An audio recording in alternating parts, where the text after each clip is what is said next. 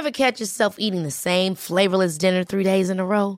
Dreaming of something better? Well, HelloFresh is your guilt-free dream come true, baby. It's me, Kiki Palmer. Let's wake up those taste buds with hot, juicy pecan-crusted chicken or garlic butter shrimp scampi. Mm. Hello Fresh. Stop dreaming of all the delicious possibilities and dig in at HelloFresh.com. Let's get this dinner party started.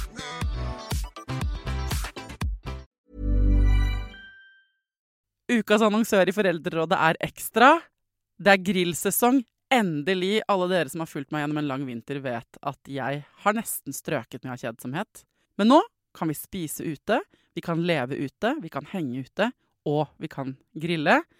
Ekstra har sitt største grillutvalg noensinne, og hør godt etter nå. Her er en del av grillutvalget deres.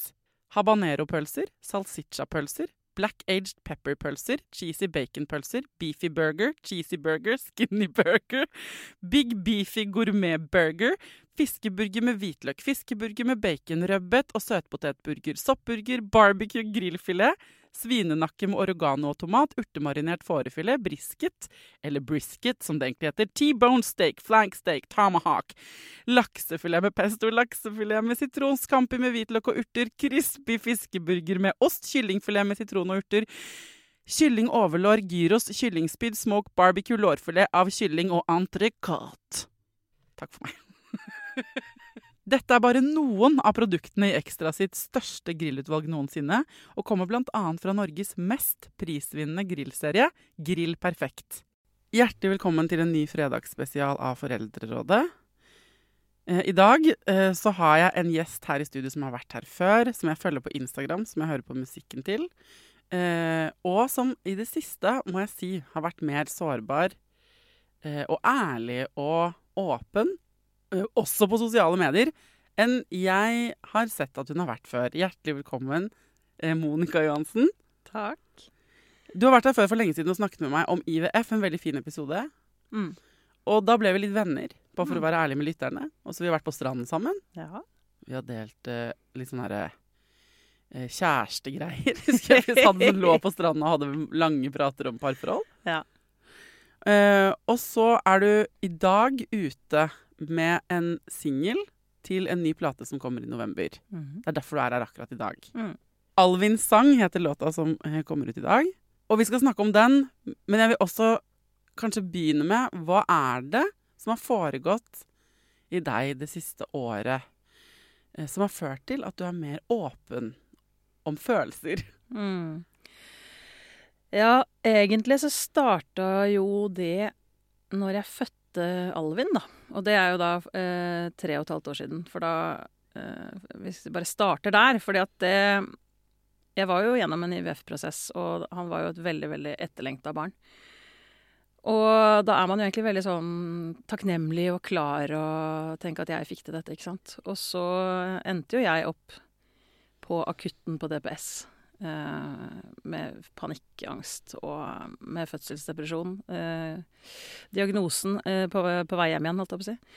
Eh, og det var pandemi, og det var veldig mange ting som skjedde akkurat da. Men eh, det, det var liksom et skred inni meg som skjedde da.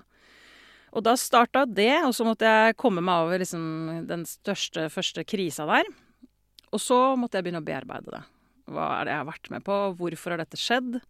Eh, og ta liksom en ordentlig titt på meg sjøl. Hva er det det her handler om? Hvor kommer alt det her fra? For det kommer jo fra et sted. Eh, og så har jeg gått masse i terapi. eh, for det skjønte jeg jo at jeg trengte. Og det, det ønska meg egentlig veldig mange år, men liksom følte at Jeg tror veldig mange føler det, at men jeg, jeg, har ikke ille nok, eller Ja. ikke sant. Eh, jeg er ikke syk nok, eller jeg er jo helt vanlig, eller er ikke jeg ganske ressurssterk? Du vet, alle sånne ting man tenker om seg sjøl. og når man får barn, så er man jo så innmari sårbar. Man har jo garden helt nede. Eh, mens jeg skjønte at jeg har jo gått med garden oppe hele livet. Og jeg skjønte først da at eh, jeg har jo pressa bort alle følelser bestandig. Jeg, visste, jeg, har ikke, jeg har ikke visst det engang, liksom. Og dette opp... Hvordan skjønte du det? Altså bare fordi, ba, La oss bare si sånn Å skjønne det i seg selv, for å komme dit, Mm. så må man ha en god del terapi. Ja. Ofte. Eh, Altså, det starta jo bare med at jeg var, ble redd for alt. Altså, jeg var redd øh, Altså, det er kjempesammensatt. Jeg, det at jeg fikk barn, var én ting. Uh, eller altså, det var det som starta alt. Men det å ha en liten baby, altså å skulle ta vare på et helt nytt menneske uh, Som du bare tenker jeg, bare, jeg, hadde en sånn innstilling om at det, der, det er kjempelett, eller det, det, er naturlig for meg, og alt sånt. Og det var for all del. Det var det også. Men jeg skjønte også at jeg var veldig redd. Uh, og uten å snakke veldig mye om liksom, fødselen var kjempetraumatisk. Altså, det var mange mange ting som spilte inn her, og det var lockdown tre uker etter at han var født. Um, ja, men den der erkjennelsen av at jeg har hatt garden oppe alltid ja. Den, når du tar det liksom For nå forklarer du hvorfor det var kokte da. Mm. Men når du først skjønner at Når du sier at du, uh, når du oppdager at det, sånn har jeg alltid hatt, egentlig mm. Eh, øh, øh, Da Det er jo et skifte fra 'dette er et problem nå' til mm. 'oi, dette henger sammen med noen større prosesser', på en måte. Ja, og det tror jeg var fordi det ble så vanskelig for meg. ikke sant? At når du havner på akutten på DPS Jeg gikk på helsestasjonen og ba om hjelp, og bare det for meg har, det sitter så langt inne. Mm. Jeg har alltid vært en som tenker 'det går over, det går bra, alt er fint her'. Altså autopilotsvaret mitt bestandig har vært uh, null stress. Ikke sant? Jeg har vært på ja-sida. Jeg har vært uh, veldig opptatt av at folk skal like meg, og at jeg skal være lett å ha med å gjøre. Altså alle de greiene. Uh, så det for meg å gå til helsestasjonen utenom en fast kontroll og si uh, det, dette går ikke, liksom. Altså, no, noen må hjelpe meg. Fordi at jeg føles ut Jeg husker jeg sa uh, det, Jeg føles ut som et jagd dyr. At ja. jeg bare blir jagd rundt. Jeg finner ikke ro noe sted. Mm. Uh, og da det, Altså, det ble så vanskelig til slutt at jeg måtte stille meg selv det spørsmålet Hva er alt dette her? For det er ikke bare at jeg har fått et barn. Og så eh, begynner man også å se når man får barn, så ser man sin egen barndom. Den får man rett i fleisen. Ja, Det er som å få et helt speil. Ja, det, ja man ser seg selv På første gang. Ja, ikke sant? Man ser seg selv på en helt annen måte. Uh, og når man blir mamma sjøl, så begynner man jo å se på sin egen mamma. Altså man begynner å se på det man kjenner, da. Uh, og sin egen oppvekst. Og den tar man ikke så veldig Eller jeg, jeg skal ikke si mann, men jeg har ikke tatt så stilling til den eh, underveis. Eller det vil si, jeg har prøvd å dytte det bort. Jeg har alltid, mm. Det er ikke sånn at jeg ikke har fått med meg hvordan jeg har hatt det i barndommen min. Eh, men jeg har bare kjent Jeg har ikke visst hva jeg skal gjøre med det. Og uh, derfor har jeg bare eh, latt det ligge, på en måte. Og så fikk jeg barn. og... Og da kommer den barndommen. Altså ens, ens, egen, enten du vil eller ikke. Og for meg så kommer jo den uh, deisende inn, for å si det på den måten. Uh, og da begynte jeg å kjenne igjen noen sånne mønstre. Eller jeg valgte å se på meg selv. Jeg kunne sikkert valgt å drite i det og bare uh, gjøre det som falt meg inn i øyeblikket. Så skjønner du? Altså, alt dette fra å bli frustrert på ungen din, eller altså bli sint Alle følelsene, da. Men jeg valgte etter hvert å liksom se på meg sjøl. Men det var ikke sånn at jeg var så smart og det var overveid, egentlig. Det var virkelig Altså, her rakner hele dritten, liksom.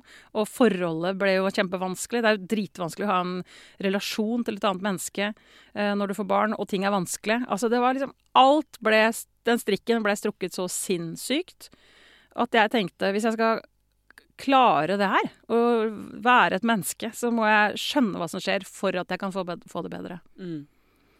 Uh, så det var liksom det det starta med. Men det starta i desperasjon. Det starta ikke med noe sånn smart, veloverveid og burde jeg gått til en psykolog, liksom. Altså det var den følelsen av å sitte på DPS. Jeg, altså jeg har vært lærer i 17 år. Jeg har vært åpen i VF-prosessen. Jeg føler meg som et Jeg har tenkt sånn jeg er en god lærer. Jeg tror jeg kommer til å være en kjempegod mamma. Jeg, jeg er rolig. Trodde jeg. ikke sant? Altså, jeg hadde sånn bilde av uh, Dette her blir dritfint, ikke sant? Mm.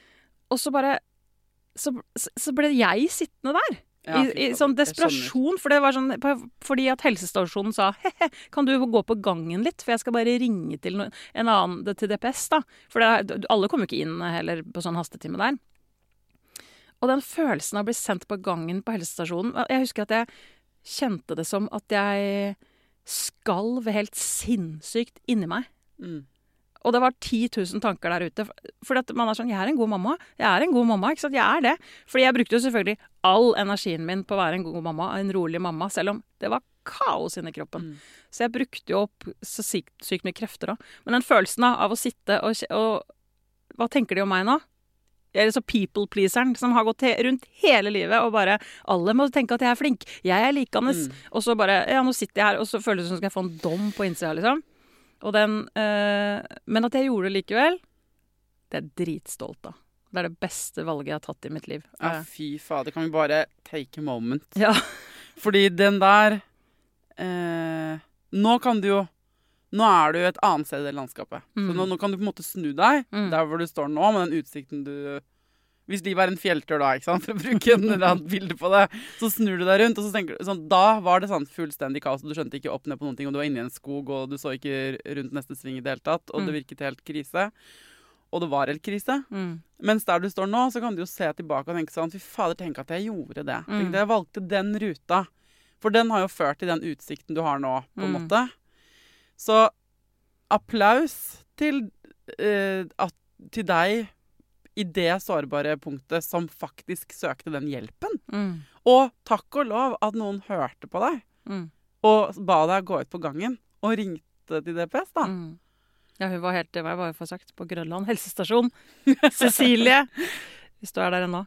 Ja. Altså, Men så har denne reisen ført liksom, For nå sitter du her eh, Spørsmålet mitt var jo sånn Hva har skjedd som gjør at du, føler, at du deler så mye på Instagram, eller vært så mye mer åpen og sårbar? mm. Og så var det, dette var egentlig på en måte Det var kickoffen. Kickoffen.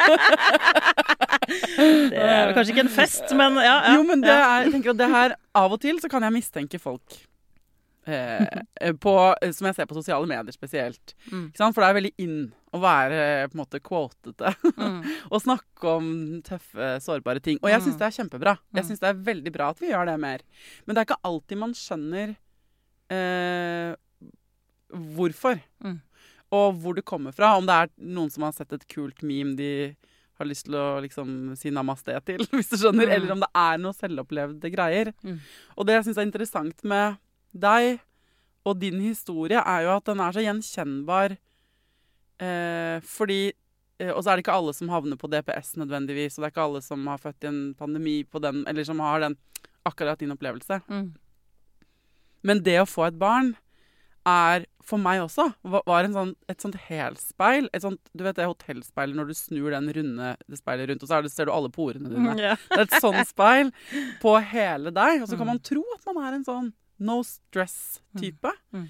Og så får man det speilet, og det, og det skjer kanskje ikke med en gang, men etter hvert som ungen vokser til, så bare eh, speiler det barnet og den barndommen du nå er ansvarlig for, da. Mm. Din egen. Og det kan være at du får liksom flash fra sånn Jeg husker jeg smurte leverposteiskiver til Tidemann en- til formiddagsmat en dag han var sånn tre år. Og da husket jeg sånn Jeg får akkurat sånne brødskiver med leverpostei. Det fikk jeg veldig ofte til formiddag. Altså bare sånn derre Mm. At man blir bare tatt tilbake til sånne detaljer i sin egen barndom, gode og dårlige, som man selv har erfart. Mm. Og for første gang i livet så kikker man kanskje på den igjen. Og så høres det enkelt ut, men det inneholder så mye. Mm. Og det trenger ikke å være traume med stor T. Det kan være traume med liten T. Mm. Misforståtte følelser. Ja, for det er veldig interessant, fordi eh, jeg kom til en psykolog etter, altså en stund etter jeg hadde vært på DPS. Det tok jo kjempelang tid. Det tok jo ett, over ett år, halvannet år, tror jeg, før jeg fikk, jeg fikk en psykolog. Så det er jo, ikke sant, det kan man jo snakke mye om. Skal ikke bruke tid på det nå. Men jeg hadde trengt det før. Men eh, for alle sa til meg ja, men du trenger ikke noe sånn kort løp, du. Det her er det mer, liksom. Du trenger en fast psykolog for å bearbeide livet, liksom. Jeg bare Ja, det er det jeg egentlig har følt bestandig. Poenget er, så den første psykologen jeg kommer til, hun er en traumespesialist. Og jeg bare Hvorfor er jeg her? På en måte. Altså, Ja. eller først så tenkte jeg Jeg visste ikke så mye om ulike retninger og sånn, så jeg bare Ja ja, psykolog, jeg kommer, hei, liksom møter opp. Men etter jeg har vært der noen ganger, så bare Ja, det er det, det er det du driver med. Og nå må jeg si det riktig, det burde jeg jo huske siden jeg har gått her, men det heter jo EDMR, eller E... EMDR, Ja. tror jeg det heter. Ja, jeg blander de bokstavene litt. Dere skjønner. Google it. Eh, Men i hvert fall. Og det er jo en ty typ sånn terapiform hvor man går inn i spesifikke barndomsminner og er i de minnene. Men, eh, for hun stoppa meg hele tida, for hun bare Ja, du er veldig intellektuell, og du kan snakke veldig om Du skjønner hvordan ting henger sammen og sånn. Men stopp, stopp. Jeg er ikke så interessert i det.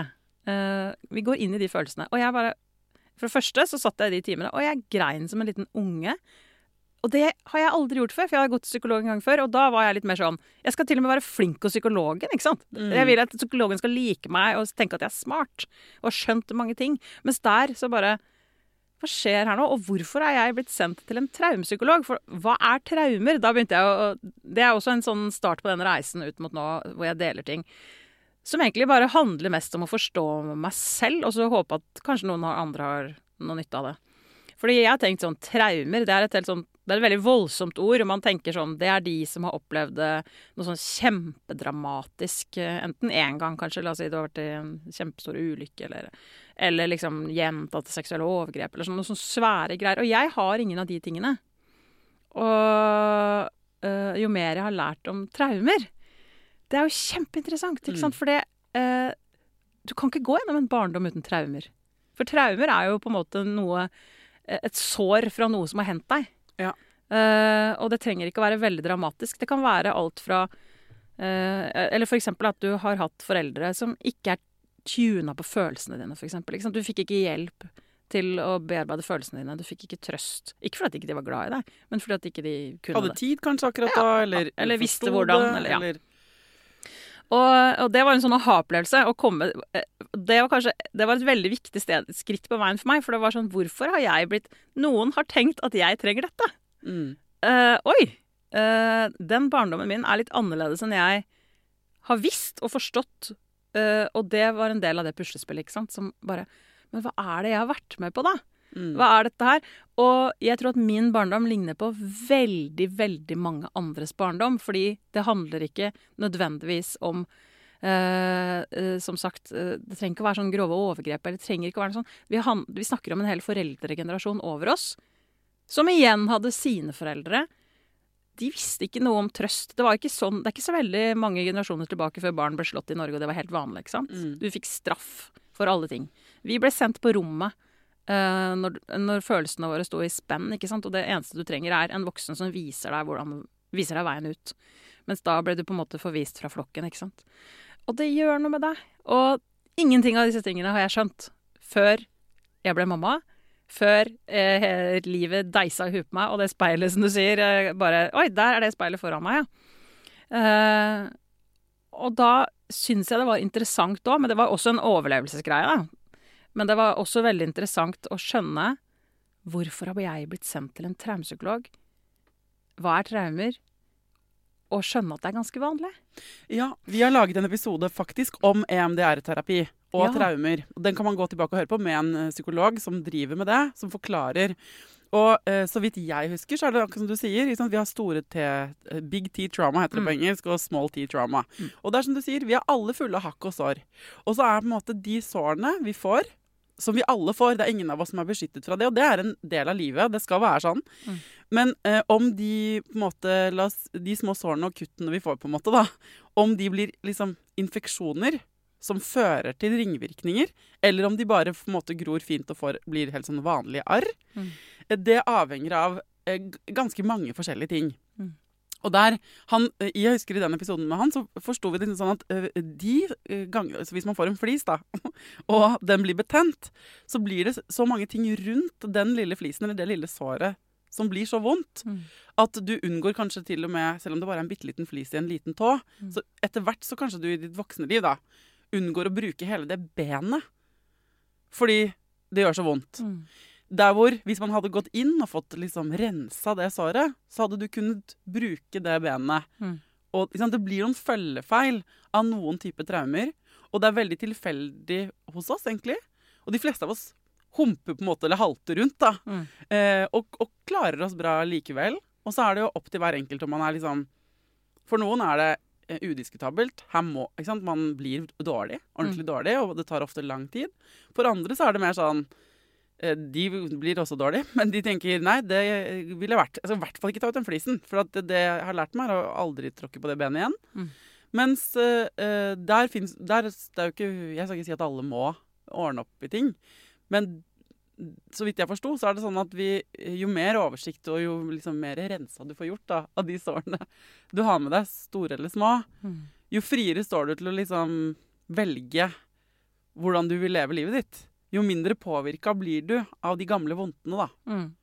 Og jeg kjenner meg veldig igjen i det, for jeg har jo vært den som Jeg slutta å bruke begge beina, omtrent. Altså, jeg skjønner, jeg, altså, fordi ehm, Ja, jeg kjenner meg veldig, veldig igjen, for, igjen i det. Fordi at jeg, eh, når jeg fikk barn, så merka at jeg, var redd for veldig mange ting. Og jeg har trodd at jeg har vært laid back. Jeg har gått hele livet fram til jeg fikk barn og tenkt sånn Jeg er en som tar ting på sparket. Jeg er laid back. Det går fint her, liksom. Og jeg, jeg husker at jeg var liksom stolt av det i lærerrollen min, for eksempel. For det må du være god på det. Og jeg er god på det. Men det kommer jo med en pris. Det betyr jo bare at jeg har ikke lagt merke til den redselen. ikke sant? Den der frykten for alt som stammer fra jeg var liten. Jeg torde ikke å sove over hos uh, bestevenninna mi som bodde uh, rett over gata uh, liksom når jeg var ti år. Ikke sant? Jeg, sto, husker jeg måtte stå og se inn og gråt. Helt sånn hjelpeløst, for jeg måtte se inn i stua, for da så jeg mamma og pappa. liksom. Jeg torde ikke å begynne på Speideren. Altså, jeg, jeg torde ikke å begynne i korps. Jeg drømte om å spille i korps, for jeg er så glad i musikk. Altså, og da, etter hvert, ikke sant når jeg, når jeg kom ut av den krisen, da, den første krisen etter å ha fått barn, så begynte jeg liksom bare Hva er alt det her? Fordi jeg merka at jeg var kjemperedd med dette barnet også. I hvert fall ute i verden. hvis det liksom Altså Et kjempegodt eksempel også på at man er ulike som partnere. Var, altså Min mann er lydtekniker, og han jobba på Sentralen i Oslo på det tidspunktet. Og når Alvin var liten baby, så var jo han så innmari stolt, ikke sant. Så vi var ute og trilla i nærheten der. Og så skulle han ta med eh, da Alvin inn for å vise, vise den fram ikke sant, til de andre som var på jobb. Og da kom vi inn i den marmorsalen husker jeg, inn på Sentralen, og den, det er mye akustikk, lyd. Og da hadde de en lydprøve, og det var et trommesett der inne. Hvorpå han tenkte Uh, bare gode tanker. Jeg skal inn og vise fram ungen min med vogna. Og jeg gikk i fullstendig panikkmodus, for jeg bare Den lyden er kjempehøy, akustikken er drithøy, han har ikke hørselvern. Altså, altså, skjønner du? Altså, hjernen min begynte på ett sekund å bare spinne en sånn historie i ren frykt. Mm. Den frykten som satte seg i meg da, den klarte jeg å legge merke til. At han gjorde noe helt annet. Han opplevde dette helt annerledes enn meg, fordi han har ikke den samme frykten. Så kan man si sånn eh, om man skal ta med den babyen inn i et rom med trommer. Men altså, det var ikke noe farlig. Det var ikke Så høyt var det ikke. Men det skjedde noe i meg, og så så jeg at det skjedde ikke i han. Og hva er det der for noe? Og da skjønte jeg jeg har hatt med meg den bestandig. Men jeg har bare pressa den ned. For du kan ikke gå rundt i verden og være redd absolutt hele tida. Det går ikke, for da fungerer du ikke i samfunnet, liksom. Og det kjenner jeg igjen. Og jeg har på meg en genser i dag hvor det står eh, sinne, som jo er en følelse i et hjerte. Og det er en følelse som jeg opplever at jeg ikke fikk lov til å ha når jeg var liten. Og når du ikke får lov å ha en livsviktig følelse, for den er livsviktig, faktisk, da lærer du deg veldig fort at du presser den bort.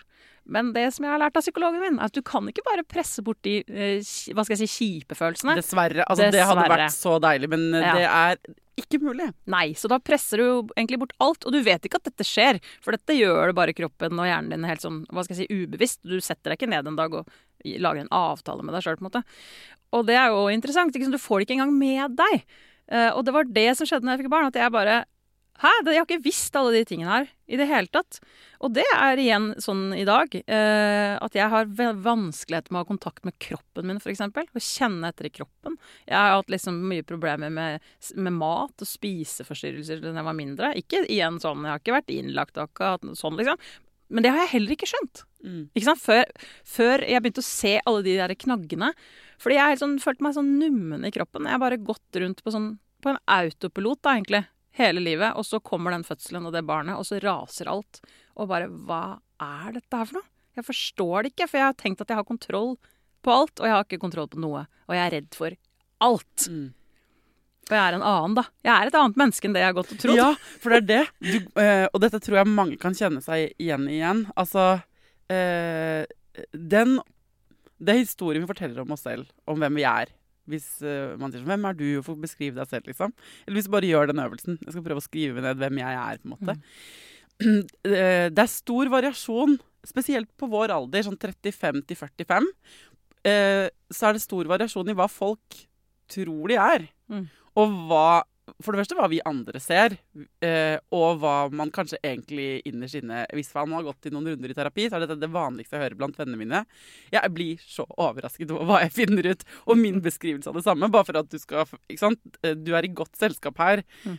Det var at jeg var satt hos psykologen. Jeg begynte hos psykolog da pappa eh, var kjempesyk og skulle dø. Jeg tror vi var sånn på time fire, liksom. Og jeg var sånn Jeg vet hvem jeg er. Dette er mine følelser. Jeg har snakka dritmye om de følelsene alltid. Jeg er kjempegod på det. Akkurat som deg. Chill type. Har ikke noe angst. Unevrotisk og sånn. Så jeg følte at jeg viste frem en leilighet. Dette er meg. Denne leiligheten kjenner jeg. Kjenner til og med den skumle kjellerboden alle snakker om, og vonde følelser. Vært der nede mange ganger. Superoversikt. I time fire hos psykologen så får jeg en sånn OK. Sånn er det. Plutselig så er det som om vi på det kjøkkenet i den leiligheten, som er meg, hvor jeg kjenner hvor alle rommene er, så viser det seg at det er en luke i det gulvet. Og så er det en helt ny leilighet under. Med helt nye rom. Her har jeg gått rundt og trodd at jeg har hatt full oversikt. Og så er det bare helt sånn derre What the fuck? Det er en helt skjult parallell Et parallelt univers, nesten. Life is full of awesome what ifs, and some not so much, like unexpected medical costs. That's why United Healthcare provides Health Protector Guard fixed indemnity insurance plans to supplement your primary plan and help manage out of pocket costs. Learn more at uh1.com. Hold up. What was that? Boring. No flavor. That was as bad as those leftovers you ate all week. Kiki Palmer here, and it's time to say hello to something fresh and guilt-free. Hello Fresh. Jazz up dinner with pecan-crusted chicken or garlic butter shrimp scampi. Now that's music to my mouth. Hello Fresh. Let's get this dinner party started. Discover all the delicious possibilities at hellofresh.com. Hey, it's Ryan Reynolds, and I'm here with Keith, co star of my upcoming film, If, only in theaters, May 17th. Do you want to tell people the big news? All right, I'll do it. Sign up now and you'll get unlimited for $15 a month in six months of Paramount Plus Essential Plan on us. Mintmobile.com slash switch. Upfront payment of $45 equivalent to $15 per month. Unlimited over 40 gigabytes per month. Face lower speeds. Videos at 480p. Active Mint customers by 531.24 get six months of Paramount Plus Essential Plan. Auto renews after six months. Offer ends May 31st, 2024. Separate Paramount Plus registration required. Terms and conditions apply if rated PG. Ja, og vet du hva jeg har oppdaga i det, den nye leiligheten? si? I eh, leilighetskomplekset, for det er stort. Ja, ja. Eh, det er en følelse jeg egentlig ikke har skjønt hva er. Og den er det fullt av i det leilighetskomplekset. Okay. Og det hos meg. Og det er skam. Jeg har ikke visst at jeg har skamma meg over ting. Jeg har nesten ikke visst hva skam er. Altså, jeg kunne lese 'skam er dette og dette'. Uh, men tenk sånn, det, det har ikke jeg noe forhold til. Eller, det, eller sånn, det logger jeg meg ikke på, liksom. Det skjønner jeg ikke helt. Og skammen, den, altså, den styrer så sinnssykt mye. Jeg har f.eks. hatt litt motstand uh, mot å gjøre fysisk aktivitet som jeg blir sliten av. Uh, fordi jeg vet at jeg er i dårlig form.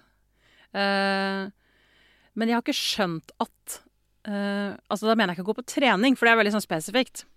Men la oss si man skulle gå en søndagstur, uh, uh, for eksempel som er en bratt bakke ned for, for å komme seg ned eller opp, da. Jeg, og da har jeg vært sånn Åh, kan, vi ikke, nei, kan vi ikke bare ta bussen der, liksom? Og så bare Nei, men det er en fin tur, liksom. Og så, og, og så har jeg kjent, men jeg har ikke visst hvorfor, jeg har kjent at det har bare bygd opp opp en sånn motstand som gjør at jeg blir irritert. Som bare sånn Ja, kan vi ikke bare ta den bussen? Ikke sant? Og så kan det ende i en sånn dårlig stemning og en krangel, nesten. Og når jeg begynte å se på den følelsen, hva er det det handler om, egentlig? Det handler om at jeg er redd for at noen skal se at jeg er så dårlig form, at jeg blir sliten av den turen. Selv, selv om den andre personen driter jo i det, skjønner du. Men, Mm. det handler om at jeg skammer meg så sinnssykt uh, over å på en måte ikke få til ting. Uh, over at det ikke er perfekt. Over sånne ting som har styrt meg så sinnssykt mye i livet som jeg ikke har sett. Det handler ikke om at jeg er lat. Nei. Det handler ikke om at jeg ikke liker å bli sliten. Jeg syns det er deilig å trene. Så, så det, det er det jeg ikke har klart å pusle ut i hjernen min før. Og når du sier det nå, så virker det når man hører det sånn obvious, for det er veldig lett å forstå, Mm. det du sier nå. ikke sant? Den redselen for at noen andre skal dømme deg. Mm. Det fascinerende her, så bare minner jeg meg selv og folk om, da, er at når dette har foregått uten at du har visst det. Når man er et menneske sånn som Monica, eller sånn som jeg, da, som bare tenker sånn At vi har oversikt.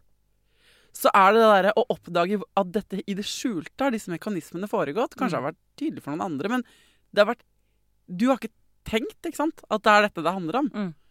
Men er det sånn at du nå Du føder Alvin. Mm. Du går på en eh, Det smeller, liksom. Skikkelig.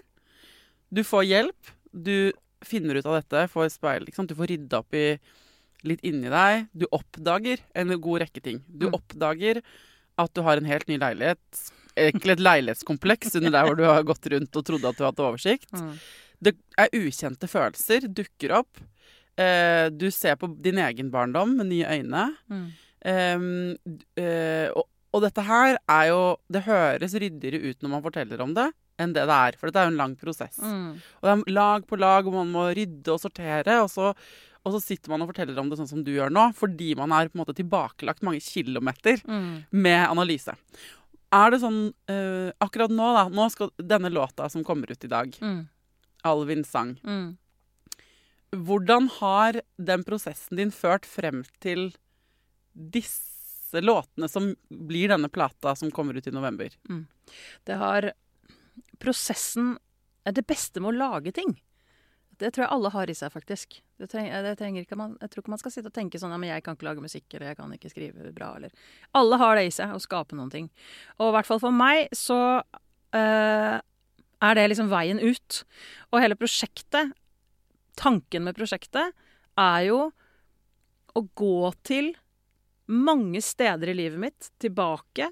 Og jeg kan ikke gå fram, selvfølgelig, men jeg kan gå til dit jeg er nå. Men jeg går veldig mye tilbake til deler, altså perioder av livet mitt og forskjellige årstall. Det går igjen i alle låtene. Så går det veldig mye Jeg var 11 år, jeg var 32 jeg, var? Jeg, jeg reiser rundt i mitt eget liv for å skjønne hvem jeg er nå.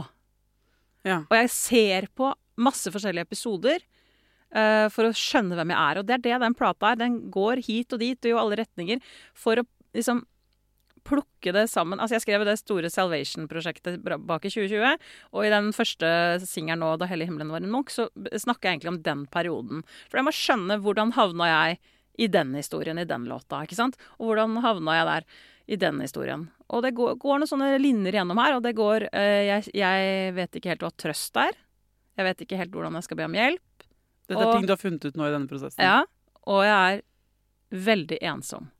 Og det skjønte jeg første gang for så vidt i 2014, som er den tida fra The Salvation eh, som jeg skrev det prosjektet om. Og den ensomheten tror jeg går som en rød tråd gjennom alt. Fordi det at jeg var redd for alt når jeg var liten og ble sendt på rommet når jeg eh, var lei meg eller sint, eller Det å føle seg alene i ting, det kjente jeg jo veldig igjen jeg Det fikk jeg veldig i fleisen da jeg ble mamma i tillegg. Både liksom, du kan si pandemi og overveldende ting og alt som skjer. Men også det at jeg ikke har noe nært forhold til foreldrene mine. Det blir veldig, veldig synlig når man får barn selv, ikke sant. Eh, så den ensomheten, den, den har jeg kjent sånn Er jeg ensom? Ja. Jeg føler, noen ganger kan jeg føle Har jeg egentlig noen venner? Ja. Altså, jeg har veldig mange bekjente. eh, og jeg har veldig mange jeg elsker å henge med. Men har jeg egentlig noen skikkelig nære venner? Og det handler ikke om de vennene. Det handler om Tør jeg egentlig å åpne opp hele meg? Og være sårbar Mm. helt 100 sårbar med noen. Det er, jeg, det, er, det er på meg. ikke sant? Så Det handler ikke om at jeg ikke har venner som vil være venner, men det er, det er på meg. Og hvor kommer det fra? Og klarer jeg å være kjempesårbar med samboeren min?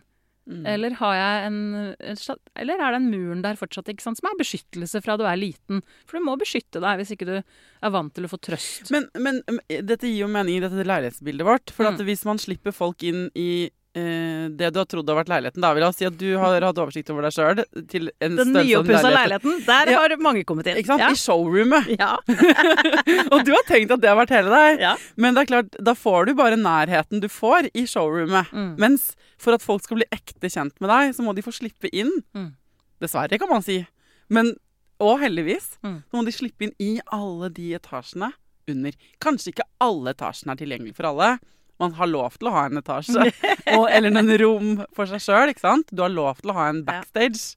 Det, det bruker vi i, eh, i dagligtalen hjemme hos oss, at man har lov til å ha en backstage. Men hvis du skal ha ekte og sårbare relasjoner Mm. til familien din, eller til kjæresten din, eller til vennene dine, Mm. eller til barna dine, så må du slippe folk helt inn. Mm. Og det er jo det å være det, Altså, sårbarhet blir fremstilt veldig vakkert ofte på film. Mm. Jeg syns det er ganske stygt og vondt som regel. Eh, grusomt. Altså, det er, Det er fint, veldig- men det er jo viktig. fint, men Men det er Ja da. hardt. det er mye hardere enn man tror. Ja, det er drithardt. Og jeg tror at det prosjektet mitt, da, og det jeg gjør på internett og i musikken og alt sånt nå, det er å prøve å slippe folk inn i den der eh, leiligheten under. Ja. Det er det jeg prøver på nå, ikke sant. Jeg prøver å eh, bare være ærlig. Og jeg tror at hvis man skal lage musikk eller skrive bøker eller noe som helst sånn, så har jeg veldig tro på at du må snakke sant. Ikke Mm. sant? Du må snakke ekte. Du kan ikke snakke i showroomet. For det, det klarer ikke folk å koble seg på. Det kan godt si ja, dette var fint og flott, og sånn, men du, du får ikke de ekte følelsene dine kobla på. Det er derfor jeg tror også at folk i mye større grad nå eh, kobler seg så på det jeg skriver. Jeg skrev et sånt innlegg om ensomhet, og det har nådd 40 000 mennesker, og det er lagra 400 ganger. Og jeg så ikke det komme. Men det var det første skrittet jeg torde Jeg brukte ett år på å tørre å skrive det innlegget, fordi det også handler om familien min. Jeg lurer også på hvordan har det vært, og hvordan er det eh, å være eh, sånn ærlig om egen barndom, sånn i forhold til foreldre og sånn?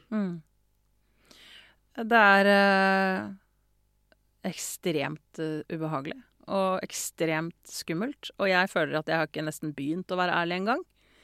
Um, fordi at det sitter jo noen andre her òg som skal Som har sin uh, rolle, som er uh, familien min. Uh, men det er viktig for meg med hele prosjektet og med alt, at jeg er jo ikke ute etter Jeg har ikke noen sånn hevntanker, jeg har ikke noe, jeg er ikke noe sånn 'Å, nå skal de få høre her'. Liksom, det, er ikke noe sånn. Jeg er ikke ute etter, å ta noen. Jeg har full forståelse fordi, eh, for hvordan de har eh, altså, vært i sine foreldreroller. Fordi jeg adopterer det jo sjøl. Altså, det jeg må gjøre nå, er jo å se grundig på meg sjøl og ikke gjøre det samme.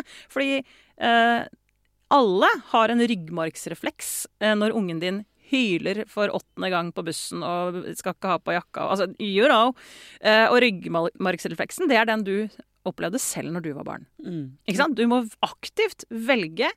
Eh, Jeg tror veldig mange ikke vet, skjønner det, og så bare gjør de. De bare klikker og blir sinte og sånn. Eh, meg også. Altså, jeg sitter ikke og sier at jeg er utlært, men du må faktisk aktivt velge eh, Velge noe annet. Og da tenker jeg ikke sånn i øyeblikket. Dette må jo øves på i fredstid. Altså, Ja. ja. Så å se de der connectionene da, med egne foreldre. Og så må jeg bare si det igjen, for det handler jo ikke om sånn Uh, at de har vært slemme og kjipe og sånn. De har gjorde det beste med det de hadde. Det de fikk fra sine foreldre igjen. Uh, det vet ikke jeg kjempemye om, for jeg har ikke noe sånn veldig nært forhold til de. Men uh, jeg kan jo gjette meg veldig godt til hva de har fått av sine foreldre, fordi jeg ser jo hva jeg har fått av de. Og det er liksom poenget. Det handler ikke om å liksom egentlig For meg, da. Det handler ikke om å plassere skyld eller noe sånt. Det handler bare om Å ja, det er derfor jeg eh, Ryggmargsrefleksen min er sånn. Det vil jeg gjøre noe med. For jeg Mm. har ikke hatt det så godt uh, med den, altså den måten de gjorde det på i forhold til trøst og i forhold til nærhet og snakke om ting som er vanskelig og uh, alle de greiene der. Jeg ser at jeg vil gjøre det annerledes. Og når jeg var lærer, så hadde jeg et sånt, uh, en sånn leveregel. Og det var Hadde jeg som barn likt den voksne meg nå? Det var liksom alltid det jeg prøvde å gå etter, og det er det samme som mamma. Hadde jeg likt å bli behandla Hvis jeg gjorde en feil, da. Hadde jeg likt å bli behandla at den voksne står og skriker på meg, eh, eller sier 'nå må du ta deg sammen', jeg har sagt det tusen ganger. Hadde, altså prøve å gå inn i lille seg, altså lille meg. Hadde jeg likt det?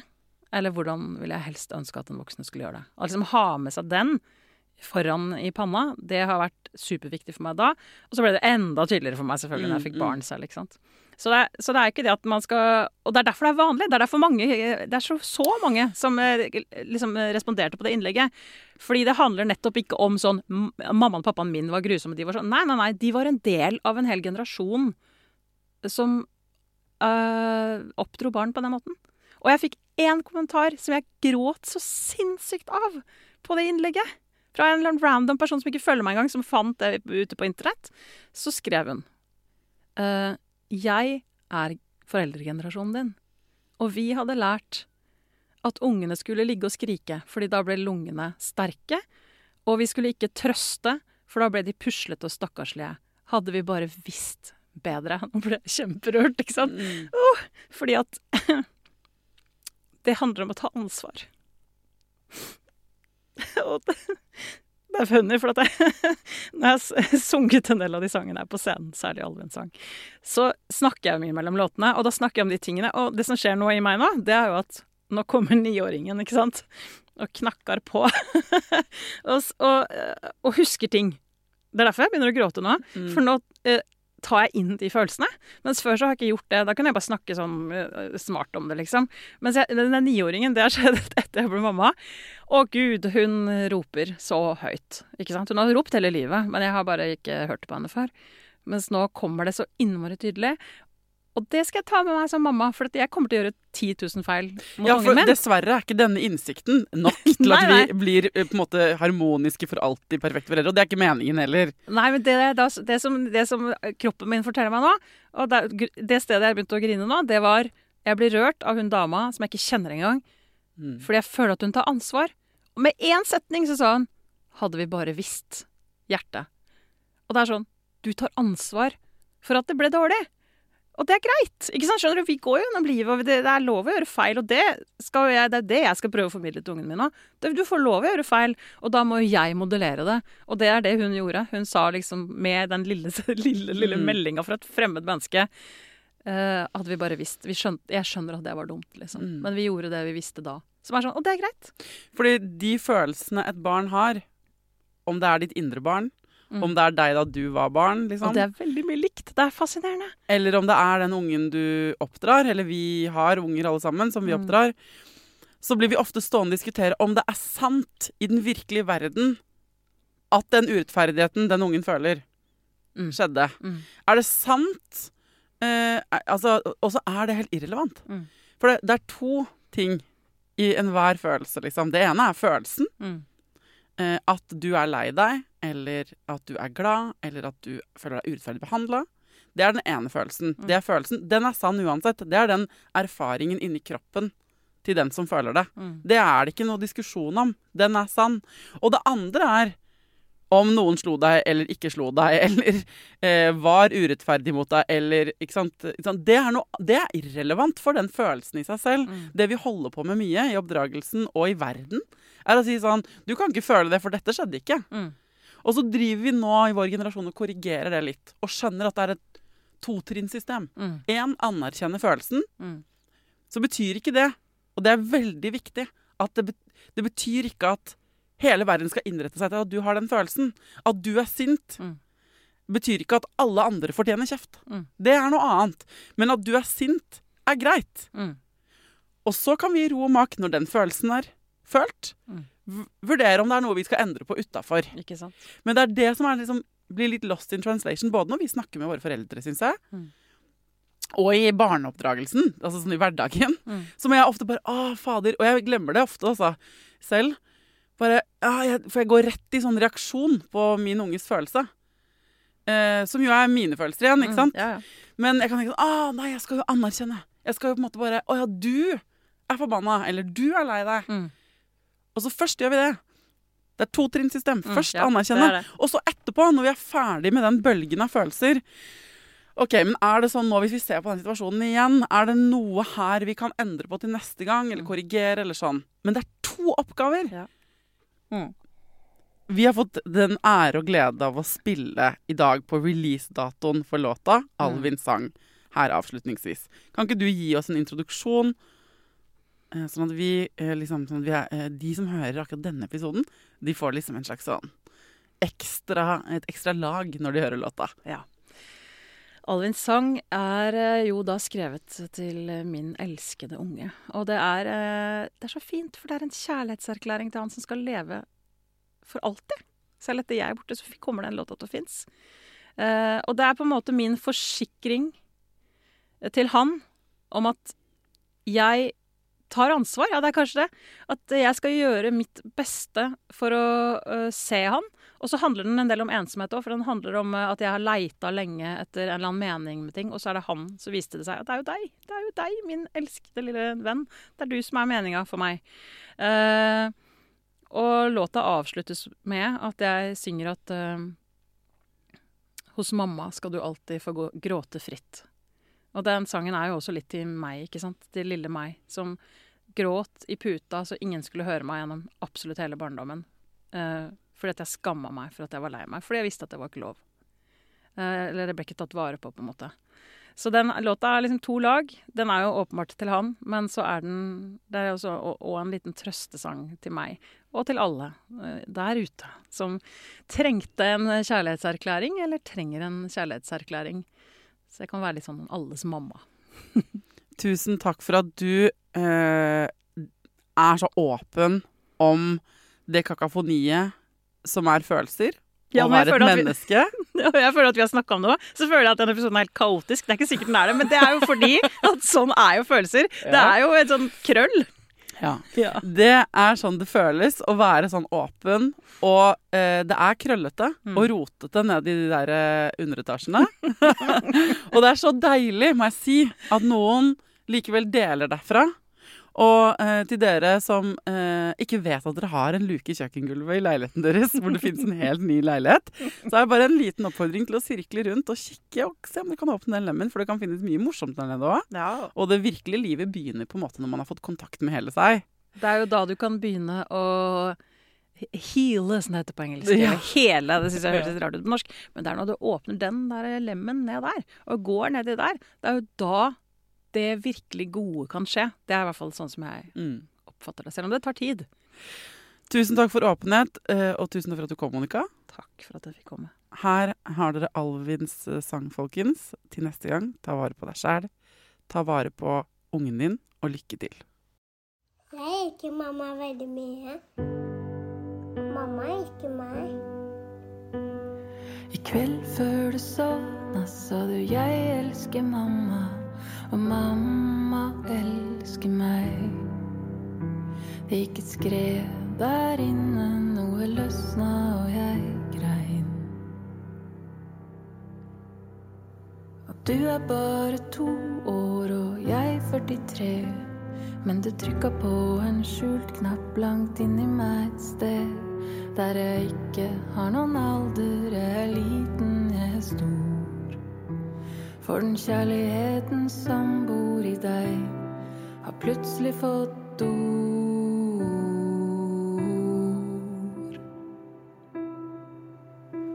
Herregud, du er ungen min, og jeg er mamma. Og livet ble aldri sånn som jeg planla. Men du var den viktige biten jeg mangla. Du var den viktige biten jeg mangla. Jeg har alltid lengta hjem til et sted jeg ikke finner. Leita uten kart i mørket, telle livet rundt i blinde. Men nå, helt stille, vet jeg endelig hvor jeg er. For den som følger hjertet,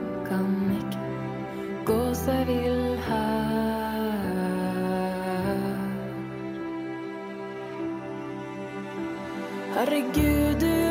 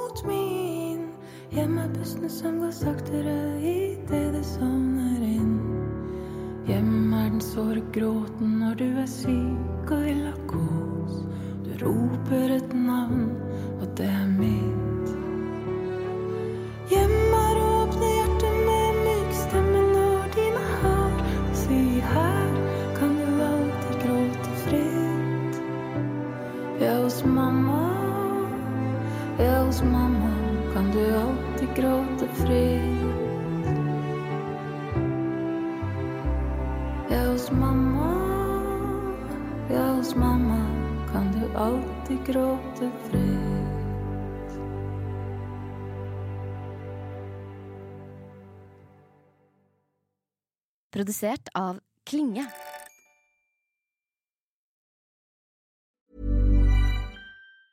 Ever catch yourself eating the same flavorless dinner three days in a row?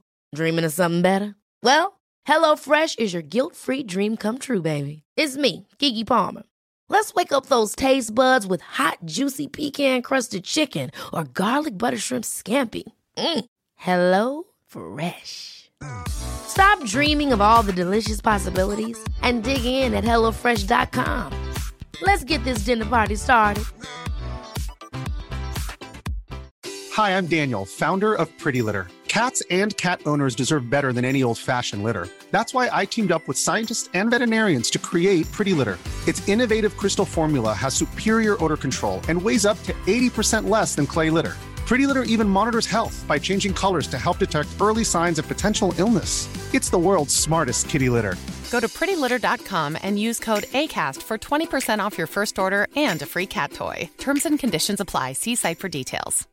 Imagine the softest sheets you've ever felt. Now imagine them getting even softer over time. That's what you'll feel with Bowl and Branch's organic cotton sheets. In a recent customer survey, 96% replied that Bowl and Branch sheets get softer with every wash. Start getting your best night's sleep in these sheets that get softer and softer for years to come. Try their sheets with a 30-night guarantee. Plus, get 15% off your first order at bowlandbranch.com. Code BUTTERY. Exclusions apply. See site for details.